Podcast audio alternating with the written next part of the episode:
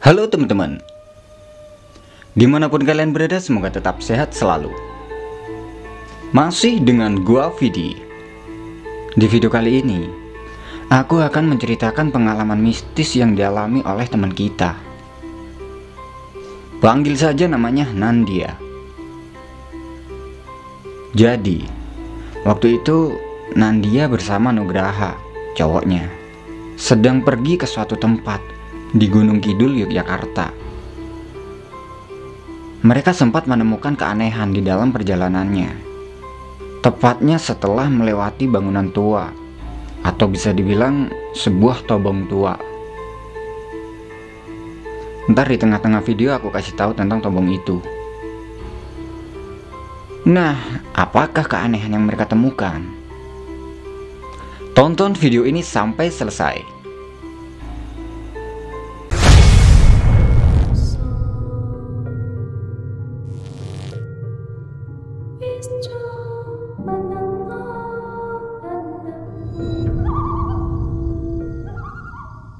Berawal dari sebuah perjalanan ke Gunung Kidul. Nandia mempunyai rencana untuk pergi ke suatu tempat bersama Nugraha cowoknya. Dan pagi itu, Nandia berpamitan sama kedua orang tuanya untuk pergi ke suatu tempat bersama Nugraha cowoknya. Setelah orang tuanya mengizinkan, Nadia pun segera menyiapkan motornya dan akan menjemput cowoknya ke kosan. Sebelum berangkat, ayahnya Nandia sempat nitip dagangan di daerah Taman Pintar Yogyakarta. Dia pun mengiyakan permintaan ayahnya, kemudian meminta uang jajan dan uang untuk membeli dagangan itu. Karena takut hari keburu siang dan pulangnya kemalaman. Pagi itu dia cepat-cepat berangkat ke kosan cowoknya dengan menaiki kendaraan motor. Setelah kurang lebih 15 menit berkendara motor, sampailah Nandia di kosan Nugraha, cowoknya. Setelah sampai, dia pun berjalan ke lantai atas untuk menuju ke kamar cowoknya. Karena sebelumnya mereka sudah janjian, jadi sesampainya Nandia di situ, Nugraha pun sudah siap untuk berangkat. Waktu sudah menunjukkan jam 9 pagi. Setelah menguji kamar kos, mereka pun berangkat dengan menggunakan motor Nugraha dan motornya Nadia ditinggal di situ. Di awal-awal perjalanan, mereka saling mengobrol dengan tujuan agar tidak ngantuk di perjalanan. Dan setelah melewati jalan ring road selatan, mereka mampir di sebuah minimarket untuk membeli minuman dan rokok. Setelah selesai, mereka pun lanjut berjalan lagi. Di perjalanan Nugraha bertanya pada Nandia. Mau ke mana kita? Nandia pun menjawab. Ke Pantai Bantul aja gimana? Nugraha pun menuruti permintaan Nandia. Mereka berangkat dari jalan Imogiri Barat Bantul. Di perjalanan, Nugraha sempat mengingatkan kepada Nandia. Nanti kalau udah naik jangan berpikiran aneh-aneh ya. Dan Nandia pun menjawab iya. Setelah naik dari Imogiri Barat, sambil berkendara, mereka pun menikmati pemandangan yang ada di sekelilingnya. Karena waktu itu cuacanya sangat panas, mereka berhenti di pinggir jalan untuk istirahat. Setelah berhenti, Nandia melihat jam dan waktu sudah menunjukkan jam 11 siang. Mereka pun memutuskan untuk istirahat dulu di situ sambil menikmati rokok dan meminum minuman yang tadi mereka beli. Nah, ketika mereka sedang istirahat itu, ternyata tidak jauh di sebelah kanannya ada sebuah bangunan, semacam tobong bekas pembakaran gamping peninggalan Belanda dan itu sudah sangat tua.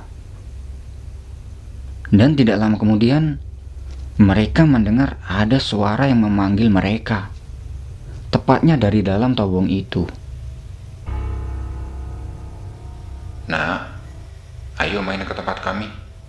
Biar kalian tahu begitu sulitnya kehidupan di masa lalu.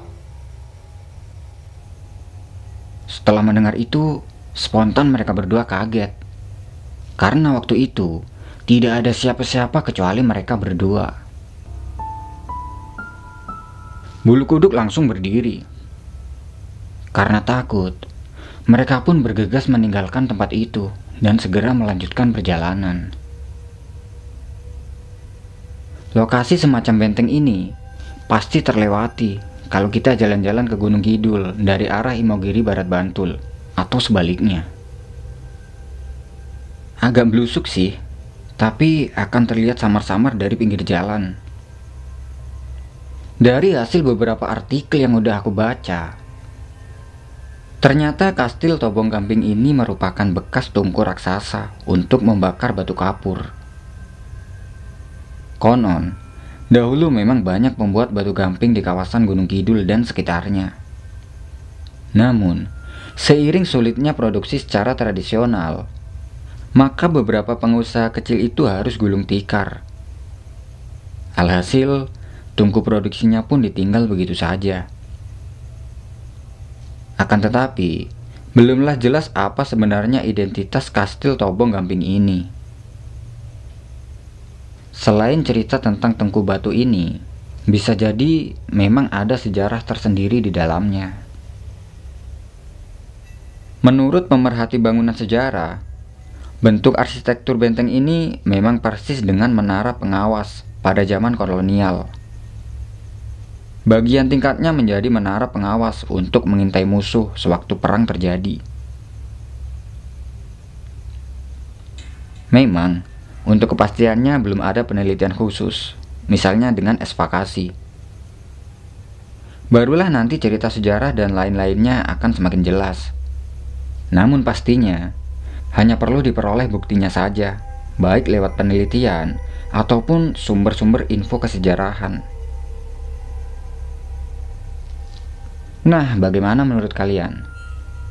Apakah ini adalah kastil Tobong Gamping biasa? atau memang sebuah menara yang bersejarah. Mitosnya, bangunan ini sudah berumur puluhan tahun.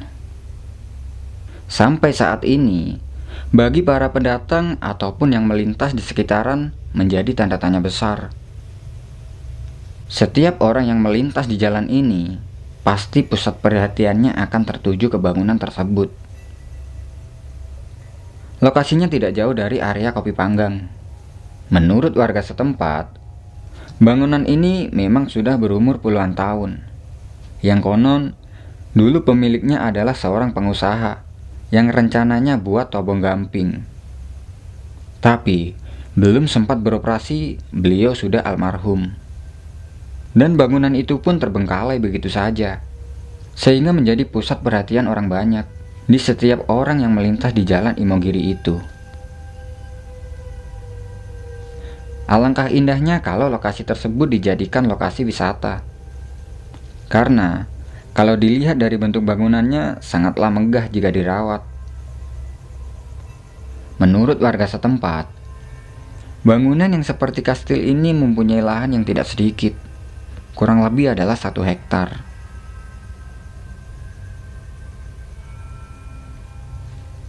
Nah, sekarang kita kembali ke cerita Nandia.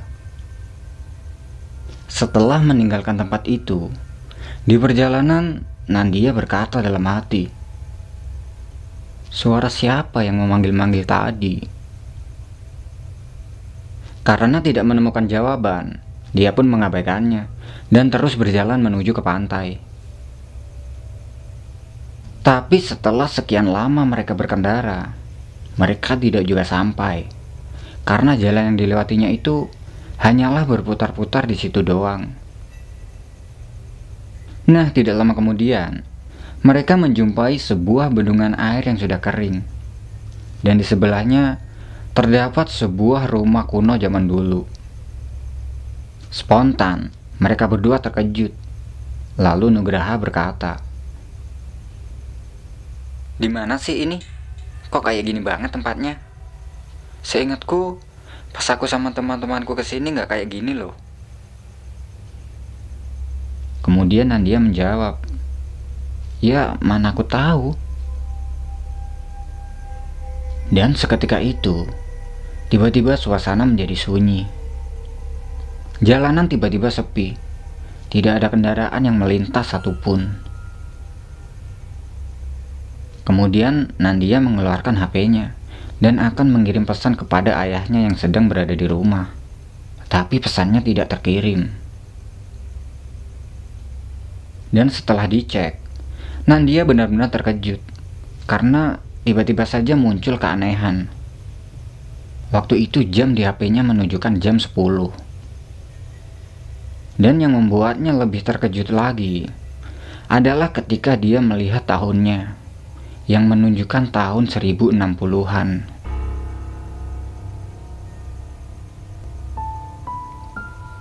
Tidak lama kemudian, suara yang tadi memanggil mereka itu terdengar lagi. Nah, hati-hati ya. Kalian jalan lurus saja. Mendengar suara itu, sontak mereka berdua pun kaget. Lalu suara itu berkata lagi, Kalian tidak usah takut. Kita tidak mengganggu. Kalian hanya punya kelebihan sehingga bisa seperti tadi. Setelah mendengarkan perkataan itu, mereka berdua bergegas pergi dan tidak lupa membunyikan klakson untuk pamit. Terus berjalan. Kurang lebih setengah jam kemudian, mereka menjumpai kantor polisi dan menanyakan kepada bapak polisi. Pak, arah parang kritis ke mana ya?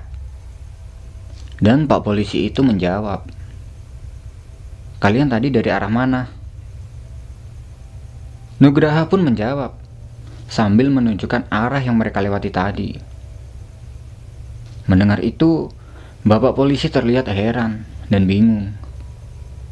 Kemudian beliau berkata, Loh, di sana itu hanya ada lapangan, dek. Nggak ada jalannya. Mendengar pernyataan pak polisi tersebut, mereka berdua pun ngeyel. Loh, enggak pak. Kita tadi dari arah sana kok. Beneran? Mereka berdua sempat berdebat dengan bapak polisi. Setelah perdebatan itu selesai, bapak polisi menunjukkan jalan untuk menuju ke Parangtritis. Dan mereka pun segera berjalan menuju ke Parangtritis. Setelah berjalan cukup jauh, akhirnya mereka sampai di Parangtritis. Setelah sampai di situ, mereka pun bersantai sambil melihat keindahan laut dan menikmati cemilan. Tidak terasa waktu sudah menunjukkan jam 4 sore dan mereka pun harus pulang. Pulanglah mereka dan kembali ke kosan Nugraha. Tapi sebelum sampai di kos, mereka sempat mampir ke rumah temannya untuk menanyakan kejadian tadi. Ternyata temannya mengatakan Gak apa-apa bro, gak usah takut. Kalian memang punya kesamaan semacam itu. Bisa melihat masa lalu. Mereka tidak begitu mengerti apa yang dimaksud dengan bisa melihat masa lalu. Dan semenjak kejadian di Tobong itu, Nandia akan berpikir ulang kalau diajak temannya untuk main. Dia harus teliti dulu ke mana perginya karena dia takut kejadian yang sama terulang lagi. Nah, itulah sedikit pengalaman mistis yang dialami oleh Nandia dan Nugraha cowoknya. Ya mungkin bagi kalian tidak begitu mistis atau tidak begitu serem. Tapi ini nyata dialami oleh Nandia. Buat teman-teman yang punya pengalaman mistis di gunung ataupun di tempat lain dan ingin di-share di channel ini, Teman-teman bisa kirimkan ceritanya ke email ini. Atau lebih lengkapnya, teman-teman bisa cek di kolom deskripsi. Terima kasih sudah menonton. Gua Vidi dan sampai bertemu di video berikutnya.